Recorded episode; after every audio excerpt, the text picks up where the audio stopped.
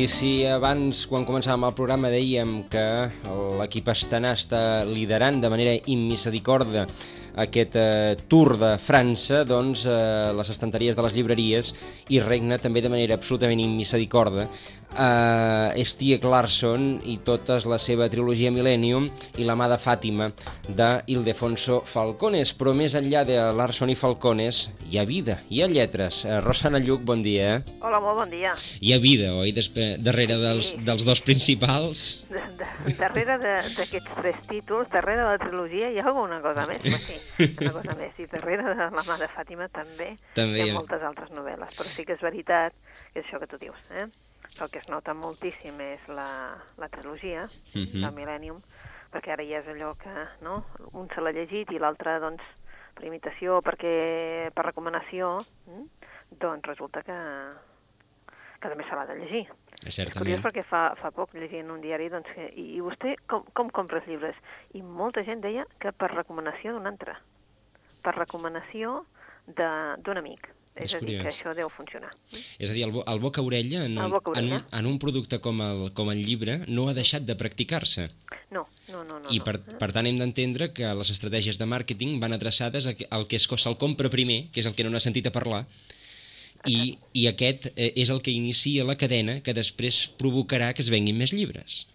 Sí, però és, és curiós, eh, no? Mhm. que, que pensem que no, no s'ha tacut que, que siguem tanta gent parlant sobre llibres, no? Que Mhm. dius, bueno, en converses normals, doncs, eh, amb la gent que, que tu parles, etc és evident, jo per de, de, de formació, que quasi en tothom parlo de llibres, però Mhm. que, que la gent, diguem-ne, el lector de peu, doncs que no té massa costum. I és curiós que, que sí, que es parli de llibres i que realment un se'l recomani l'altre. Home, normalment quan algú s'està llegint un llibre i aquest llibre agrada, en algun moment de- d'alguna conversa eh, Mm. Sí, surt, surt, surt no? el tema, no? I, i perquè, mm, més que res, perquè el llibre t'ocupa moltes hores. Sí, i, i si, sobretot si t'està entretenint, també Mhm. és cert que ho vols compartir, això, no? Correcte. Sí. Mhm. I també doncs, aquest defecte que tenim, que l'altre dia vaig veure que no només m'afectava a mi, sinó en una conversa amb més gent, que afectava molts altres, i suposo que el, a molts altres també, el fet de que si veus algú llegint el tren i no li veus la portada del llibre, la Ah. nostra curiositat malsana, eh? Fa que anem girant el cap per veure què està llegint. No És sé cert, si això. passat. És cert. I hi ha gent, hi ha gent que té el bonic costum Sí. de, de posar, d'enquadernar amb un paper blanc Sí. I llavors... perquè no es vegi la mm, portada. Llavors ja ho tens malament, eh? ja ho tens malament perquè, és clar, si no reconeixes el tipus de lletra, no sé què, pel gruixut, per no sé què, però és clar, llavors ja t'estàs tota una estona i sembla que estiguis mirant allò xafardejant, no? Però vaja, és aquesta curiositat, doncs, eh, eh, i vaig veure que igual que jo em passava, doncs que passava molta altra gent, no? És De cert, que és estàs cert. mirant a veure què està llegint, no? I sí, què llegeix la gent? Què llegeix? Sí, sí. Eh? I, de Sobretot fet- si tu en aquell moment no estàs llegint res, perquè, pel que sigui, no? Doncs t'has acabat el diari que portaves o que t'has acabat el llibre, doncs tens aquella curiositat, no?, de dir, què està llegint, no? Perquè el veus distret i, i Mhm. penses, jo voldria llegir això. No? I a més a més, eh, al tren és fàcil de fer una estadística de venda de llibres Sí, perquè eh, ara doncs, veus Larsons per tot arreu, veus, de, veus cerques, veus gomorres, encara se'n veuen, Sí, sí, sí. o sigui que, que en el fons eh, es, poden, es poden continuar veient els, eh, els mateixos llibres. De fet, el que ha passat amb el Larson, no sé si havia passat alguna vegada, que és all, eh, allò que va publicar La Vanguardia fa, fa un mes, quan sortia l'últim dels, de, dels llibres de la trilogia, que és com una mena d'infogràfic enorme perquè tothom es posés, es posés al dia de què, què havia passat amb la, amb la hacker i, i, i, el, i el periodista i, i tota la història, oi? sí, Això no, no sé si amb cap altre llibre no, ho, ho s'havia fet abans. no, no, no, no. La veritat, vaja, no recordo, eh? Igual potser sí es va fer, però, però jo crec que no. Allò de, de, posar, de posar el lector en situació. Doncs, Exacte, perquè es pugui, eh, no?, posar en marxa de dir, vale, doncs, eh, m'he situat. Eh? de fet, de fet, amb el Larson, eh, recordem quan va sortir el primer llibre que la Rosana el recomanava i encara ningú en parlava. Ara ja no el recomanem perquè és que no cal recomanar-lo, aquest. No, és, és d'aquells llibres que dius, bueno, eh, si no l'has llegit, basta'l, no? Però, Mhm. vaja, ja, ja és allò... perquè és cert que, que bé, que el primer sí que és veritat que no, doncs eren una mica per recomanació de, dels que ho havíem llegit i que es trobàvem amb aquells típics problemes dels, dels títols, no? Uh -huh. Perquè aquest títol que té, tan horrorós, el primer, bueno, horrorós no, però diguéssim que et porta a pensar en un altre tipus d'obra, no? Uh -huh. Però ara ja la veritat és que tothom ho té molt assumit i tothom ja... Eh? I doncs... surten molts nòrdics, eh? Que també, si te'n recordes, en vam parlar del tema sí. de que hi ha molts nòrdics ara, també, i eh, amb novel·la negra. Cert? Eh, és a dir que, en el fons, el mateix, el mateix, el mateix gènere mm. dels llibres que han triomfat no sabem si a l'Estela d'Estia Clarkson o, o probablement no deu ser a l'Estela, sinó que ara ens eh, comença a cridar molt l'atenció aquest, eh, aquest tipus de, de novel·lista i aquest tipus d'autor. Sí, sí, sí. A més a més, vull dir, suposo que també ha sigut, no? O, o ahir llegia un article, no sé, agrair, que deia que, bé, que ho han fet bé, els nòrdics, eh? Uh -huh. Ho han fet bé, perquè, doncs, eh, és una, diguéssim que són unes traduccions duríssimes, clar, eh, hi ha poca gent que ens pugui traduir la seva llengua, si vingués de l'anglès seria molt fàcil, però de la seva llengua no, i en canvi fan una política de dir, bueno, ara començarem a conèixer a tots els autors que tenim aquí i que vosaltres encara no, no heu conegut. I bueno, ens estan arribant, o tots ens, que ens arriben d'hora alhora, no? Uh mhm. -huh. mm, un munt de... perquè l'Assa Larson, uh, Pierre Balú, vull dir, un munt de, de gent d'allà dalt, no?, de, dels nòrdics, diguéssim, que els teníem com una mica oblidats, això és cert, eh? Uh mhm. -huh. Costa, no?, de vegades segons quina literatura, però resulta que en tenen molts d'autors policiacs. És molts, curiós, eh? és curiós, sí, sí. Eh, a més, eh, la, la tranquil·la Suècia, que ja ens ha, que a Millennium ja ens ha desvetllat que no és tan tranquil·la com ens semblava, ara resultarà que, que no és tranquil·la, no, que és convulsa. Sí, eh? eh? Bueno, eh, si te'n recordes, el, el, el Wallander, eh? Uh -huh. el Henning Mankell, amb les seves novel·les del Wallander, ja ens ho explicava, eh? Sí. Que que tot era fatxadeta, eh? Vaja, perquè hi havia uns crims horrorosos, no? I ja pensaves, mare de Déu, tu la blanca Suècia, no? Pues resulta que no, eh? Mm -hmm. bueno, però doncs, hi ha doncs, altres llibres, doncs, cert, eh? eh? el que, agafem el que dèiem al principi, hi ha literatura després, eh, després del que més es ven. Per on podem començar avui la recomanació, Rosana? Doncs, mm, bueno, jo, jo penso que també és hora també de que parlem d'altres autors, d'autors d'aquí, mm -hmm. d'aquí en el sentit d'autors catalans, i ara se n'han publicat recentment alguna obra d'aquestes doncs, que, que, que és uh, el català després de Sant Jordi, no? diguéssim, els autors catalans després de Sant Jordi. Parlem d'una autora, la Judit Pujador. La Judit Pujador ja ens va, ja ens va fer altres llibres, El límit de Roche, Dones absents, eh? col·labora amb mitjans de comunicació i, per tant, és més o menys coneguda. Eh? Uh mhm. -huh. Ens parla ara de les edats perdudes. Es parla dels, dels anys 80, eh, una mica encara en l'adolescència, eh, una noia, la Nora, perd els pares. Mm? Clar, això l'obliga a viure amb la seva àvia. Mm?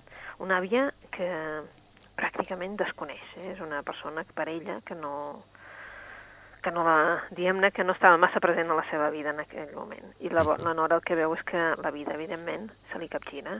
No és la que ella voldria, s'ha de traslladar a una altra barriada de Barcelona, eh, per tant, uns altres amics, una altra escola, absolutament tot. Està una mica enyorada d'aquella diguem-ne, d'aquell microcosmes que tenia amb la seva família, amb els seus pares, diguem-ne.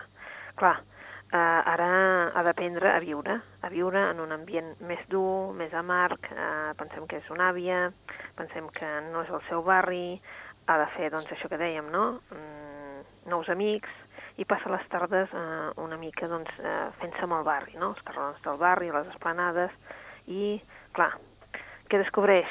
Doncs descobreix, com que és a l'adolescència, doncs descobreix, evidentment, la beguda, el sexe, i es va acostumant a una nova vida. Mhm. -huh. Però, és clar, hi haurà un segon, una segona cosa que l'obligarà a enfrontar-se a la vida que s'haurà de refer. I en aquest cas es refarà molt lluny de la ciutat, en un poble on la gent ha après a viure sense passat. Eh? Uh -huh. A partir dels records dels personatges i de la solitud que els impregna, um, la Judit Puigdedol el que construeix és una, una novel·la que alterna les dificultats aquestes i, i el dolor del pas de l'adolescència a l'edat adulta, no? I una mica també després, eh, allò, la tranquil·litat, la, la satisfacció eh, de la maduresa. Per això ens parla d'això, de les edats adultes, però això sí, d'una noia, la Nora, que es veu obligada a perdre tota aquella infantesa i obligada a buscar un nou camí. Uh -huh. El pas de l'adolescència cap, a la, cap a la maduresa o cap a l'etapa de, de ser més gran, als anys 80, no? Està als anys centrada? 80, sí. A més a més, doncs, per obligació, diguem-ne. Mm? D'acord. Ah, eh, el títol, has dit les edats? Les edats perdudes. Perdudes. La de Judit Pujador i editat per, la, per Empúries. D'acord. Doncs primera recomanació. I bé, i si hem de parlar d'un autor policià que ara tornem a sortir de, de Catalunya i se n'anem amb l'Andrea Camilleri. Uh mhm. -huh. perquè hi ha un darrer cas del comissari Montalbano, eh? uh -huh. un mhm. darrer cas que es diu Les ales de l'Esfinx. Eh? Bé, uh, clar, no és un bon moment pel comissari Montalbano uh, perquè està amb la Líbia i bé, tota aquests, uh, aquesta guerra que tenen eh? uh mhm. -huh. comença a passar. Uh? Uh, però, de fet, en, en un abocador han trobat el cadàver d'una noia, una noia nua i amb el rostre que està completament desfet, que sembla per, un, per una bala. L'única pista que tenen per identificar-la és un tatuatge, un tatuatge en forma de papallona que porta a l'esquena. Eh? I això és el punt de partida d'aquesta investigació. Um, de noies tatuades aviat resultarà que n'hi ha moltes, eh? Uh -huh. i totes han arribat evidentment, de l'Europa de l'Est. Per què? Doncs han arribat gràcies a l'Associació Catòlica La Bona Volontà, eh, que és una... Eh, que aparament les ha rescatada de la, de la prostitució. Uh mhm. -huh. El comissari es, es veu doncs, allò que tothom l'apreta. Eh? El bisbe que vol protegir, evidentment, aquesta societat que es diu la bona voluntat, eh? Eh, i peti qui peti l'ha de protegir. El senyor comandant, que per dir-ho així molt finament, és que no vol fer enfadar eh, els que manen, però els que manen de debò. Eh? I naturalment la Líbia, la Líbia que l'està esperant eh? Eh, a casa perquè vol amb un últim intent de salvar la parella. Eh? Això és massa pressió, uh mhm. -huh. massa pressió pel comissari Montalbano, eh? i és clar, això no pot sinó conduir a un final una mica angoixant, accelerat pel Montalbano i també pels lectors que estem allà doncs, mirant a veure què, què carai passa i com se n'en surt. Eh? Uh mhm. -huh. És la, la darrera novel·la que, que ha sortit aquests dies, Les ales de l'Esfinx, la traduïda, com sempre, a edició 62 i també, evidentment, en castellà per Salamanca. Eh? D'acord. Curiós perquè només fa uns mesos que ens va presentar la Fogarada d'agost uh mhm. -huh. i ara que ve l'agost, ara ens presenten les ales de l'Esfinx. Les ales de l'Esfinx, una nova aventura, una nova història al voltant del comissari, del comissari Montalbano d'Andrea Camilleri.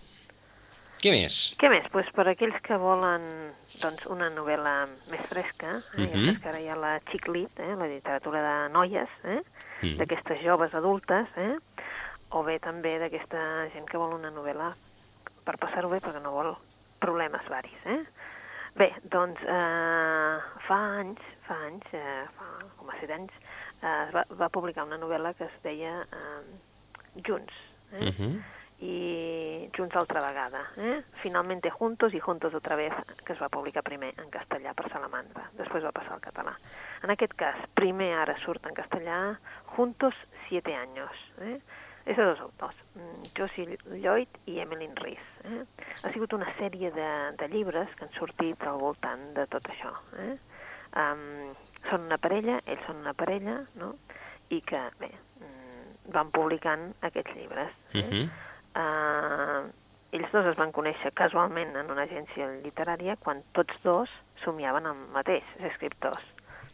Van començar a sortir, es van fer amics i en una nit de juerga van decidir que farien un llibre tots dos, que es deia Finalment Junts, no? Uh mhm. -huh. que és el primer que va sortir. Bé, de fet, a partir d'aquell moment, eh, que jo crec que devien ser finals del 99 o així, devia sortir ja la versió en castellà, doncs es va començar a tenir èxit, però no només aquí, sinó a, a tot arreu. Eh?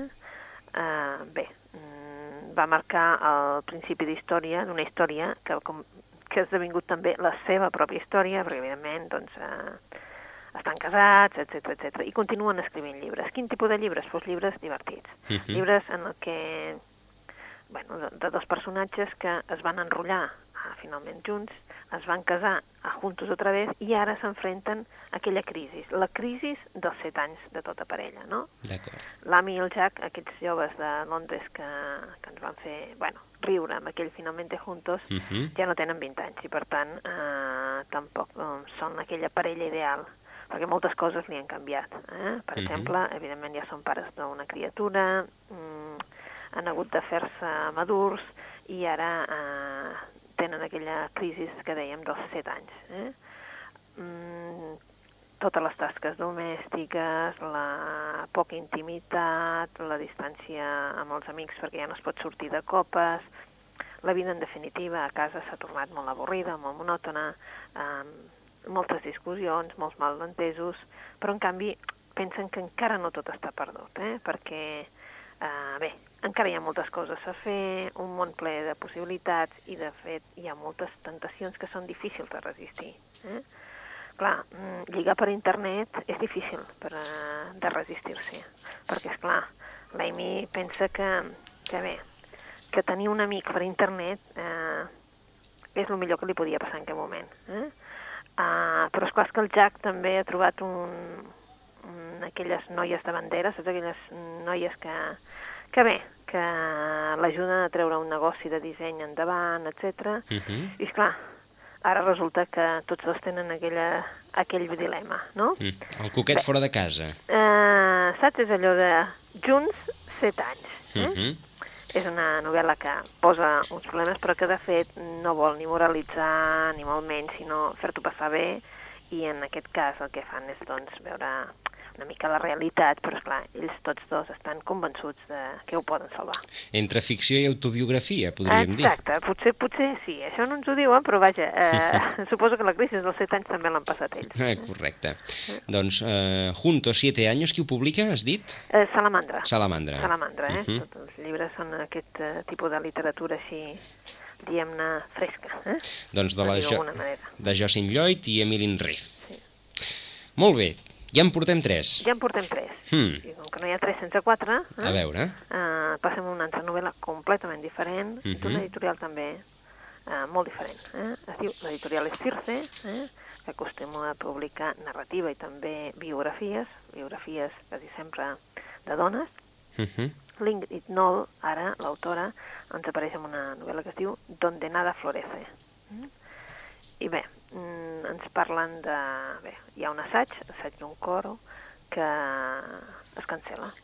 I això fa que la vida de l'Aine tingui, doncs bé, una topada, no? Perquè no, no, no ho acaba d'entendre. Uh, torna a casa abans de l'habitual i es troba el seu marit amb un altre. Mm? Uh -huh. clar, la reacció és molt dura, eh? Mm, perquè, és clar, és que tot s'enfonsa. És a dir, el fet de la confiança, tot allò que ella havia construït amb el seu marit, s'enfonsa en un sol moment. Tot perquè ella torna a casa massa d'hora. Mm? Uh, el somni d'aquella existència de, de viure en una caseta amb un jardí, amb un marit allò amatent, amb dos nens d'allò més encantadors, doncs, evidentment, es fa pols, perquè és que no, no, ja no es pot eh, aconseguir. Mhm. De la nit al, al matí resulta que ha d'acceptar la realitat de ser una professora eh? separada, sense fills, que ara viu a Montuguri i que, bé, que fa sudokus. Eh? Mm. Però, clar, mm, mai s'ha d'esperar, mai s'ha de desesperar un i pensa que potser sí que hi ha una segona oportunitat. Eh? I això potser li vindrà de la manera que menys s'espera. Mm? Mm, hi ha de tot en la novel·la, eh? des d'un embaràs, una exesposa, a dones violentes... Mm, és una novel·la que, que porta intriga, ironia i, de fet, torna a parlar-nos una vegada més doncs, de les relacions humanes i lo difícil que és Mhm. entendre's amb la gent. Donde nada florece, Donde nada florece. d'Ingrid Noll. D'Ingrid Noll, sí, que es fa unes novel·les normalment com així, com a de suspens, d'intriga, però en definitiva el que ens parla és de- d'això, de, de relacions humanes. Sí, anava a dir, eh, pel, pel que has comentat, eh, tot, tot plegat té un, té un to íntim, de, Sí. de problema personal. De problemes personals, sí. Mhm. I sempre rela- relacionat no, allò, en la manera en què es relacionem amb els altres, en la manera en què eh, totes, eh, de cop i volta, pot acabar tot, etc. D'acord. Doncs una altra de les propostes que ens fa avui la, la Rosana. Què més? Què més? Doncs n'hi ha una altra que aquesta sí que és molt diferent. Eh? Uh -huh. Si és cert que va aparèixer, doncs, eh, si se'n recordeu, mm, bueno, encara el tenim a les llistes perquè és una de les novel·les que realment... Novel·les...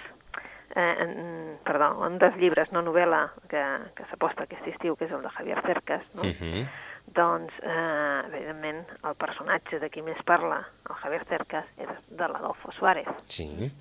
I ara el Gregorio Morán ens presenta una biografia de l'Adolfo Suárez. Una biografia que encara és més àmplia que la- l'obra del Cercas. No? Encara Adolfo més? Suárez, sí. Ostres. És un, saps allò, una biografia que dius, no, això realment és d'estius, perquè és que té més de 600 i pico de pàgines. Eh? Ostres. Adolfo Suárez, Ambición i Destino. Escrita pel Gregorio Morán i el que fa, doncs, evidentment, mm, un militant del PC, mm, parlant de l'Adolfo Suárez, doncs el que fa doncs, és, eh, bé, parlar-nos de l'home, eh, d'aquesta persona que va ser l'Adolfo Suárez, que va estar nomenat president per un govern autoritari, eh, que també, eh, amb aquella democràcia de l'any 81, eh, diguéssim, dimitit, mm, és també la trajectòria personal i política de l'Adolfo Suárez, eh? que segurament és aquella persona que simbolitza més aquella Espanya de, de postfranquisme i realment de transició. Tots parlem del Suárez com a l'època de transició, però ell també vol fer-nos entendre que venia del franquisme, no? de les postimeries del franquisme. Eh? Mhm. Uh, bueno, com que ell ens explica tot això, tots els odis que va tenir eh, per molts, molts dels que van apoyar, de fet, també es veu que en feien alguna per sota, no? Mhm. I, en definitiva, uh, finalment apoyat i ensalçat per, per quasi tots. Eh? De fet, de fet, el Cercas també, a, a l'anatomia d'un eh? instante... També ens ho va dient, dient, ens- escolta, és que tothom li, li treia la fombra, eh? Sí, sí, li treia no. l'estoreta per sobre, És eh? dir, Estaven no- estirant perquè caigués. Eh? És per no canviar-se pel, pel Suárez. Anava a dir Gregorio Morán que això ho devia tenir preparat des de, des de fa temps, oi? Sí, sí, molt, molt. Jo crec que sí, perquè, és clar és impossible haver escrit eh, No. això, eh? És- perquè és més que- Ell, crec que ja fa molts anys ell ja va escriure una, un llibre sobre, sobre el Suárez, eh? però fa molts anys, eh? Mhm. I ara aquí jo crec que el que ha fet és tornar a revisar tot el que tenia eh, i tornar a fer-ne un altre totalment diferent per, per explicar-nos també eh, la trajectòria des de finals dels 70 fins ara del Suárez. Eh? Alhora, per revaluar una mica, no? Eh, vist des de, des de molt lluny, és a dir, des d'ara, no? des de tants anys eh, després, tot aquell tot el reste de la trajectòria i tot aquell moment que va passar. Eh? Sí, sí, sí. Uh, bueno, és un període de la nostra història recent i el que fa ell és doncs, investigar-ho amplíssimament, hi ha molta bibliografia, la veritat, i ens fa aquella obra, una obra definitiva del, del primer president de la democràcia. Eh? Entendríem, per tant, que entraria en el... Encara que en Suárez encara és viu, doncs està malauradament malalt, Sí. eh, seria una, una obra pòstuma, una... Sí, perquè, clar, em, temo que, evidentment, ell no, no, la, no la deu poder pas llegir, no? Mhm. I el que sí, suposo que és això, doncs és un, també una avaluació de tot el que va representar ell, eh? uh, evidentment, doncs també dient molts anys després mirant-ho, perquè en aquell moment potser ets molt crític, no? Mhm. perquè és un moment que estàs passant, etc. i després vas valorant i vas veient com es va moure absolutament tots els altres partits polítics i com... És, és curiós com eh, les, figures, les figures polítiques són com el vi, amb el temps es van, van guanyant valor. Sí, eh? Això suposo que si vam, li traiem llustre i veiem que realment potser era una figura molt més important de la, de la importància que en el moment aquell se li donava. doncs Adolfo Suárez, Ambición i Destino, el, el títol entenem que, que està posat per Gregorio Morán amb tota la intencionalitat i aquesta eh, magna obra que ens descriu la Rosana 700 i escaig pàgines, és a dir que... Sí, no qui arriba tinc- a 700, no. Bé, doncs 600, gairebé 700. que. Però bé, qui- a 700, però eh? Qui, qui no s'hagi afartat amb el Cercas encara pot continuar aprofundint amb, amb Gregorio Morán. Un altre. Una altra, Va. una altra, uh, una obra també en català d'un autor, que és l'autor també mm, és un autor de primera novel·la, es diu Juan Díaz Acuña, eh? i de fet eh, fa anys ja que es dedica al món editorial i ha fet d'editor, però Juan Díaz Acuña ara ens, se'ns presenta com a escriptor. Trànsit. Eh? Uh -huh. Trànsit és el títol de la novel·la i Trànsit ens parla d'un metge, un metge en un centre assistencial, l'Adrià, i la seva parella, que és la Blanca. Eh? Ens parla de les relacions que mantenen, de la vida que porten, eh, d'aquella satisfacció que tenen tots dos, però, eh, bé, com tot, eh, comença a trontollar quan l'Adrià coneix a la Cebina, una interna del centre. Eh? Eh, diguem-ne que ella, o, o, o allò que ella l'inspira, canvia la vida de l'Adrià molt més del que ell, diguéssim, voldria o creuria que, que, que seria possible. Uh -huh. L'allunya, l'allunya d'aquella realitat que, que ha viscut fins ara, d'aquella placidesa amb la seva dona, d'aquell món que ell tenia. Eh? És una novel·la, diguem-ne, que torna a parlar, doncs, això, doncs, de relacions humanes, però tot, de tota manera és una mica una reflexió sobre el desig, no? De què és el que ens empeny cap a altres persones, de la identitat, de l'amor en si. És una obra que vol relacionar-nos, doncs això, la, la difícil naturalesa de, de les relacions entre el món i l'anel que, que hi ha, no? Uh -huh. Bé, és una novel·la d'aquestes d'estiu, una novel·la que ja veieu que torna a parlar doncs, de parella i de què passa quan entra una tercera persona o que s'intueix que podries tenir alguna cosa amb una tercera persona. D'acord. I com de febles que som els humans. Uh -huh.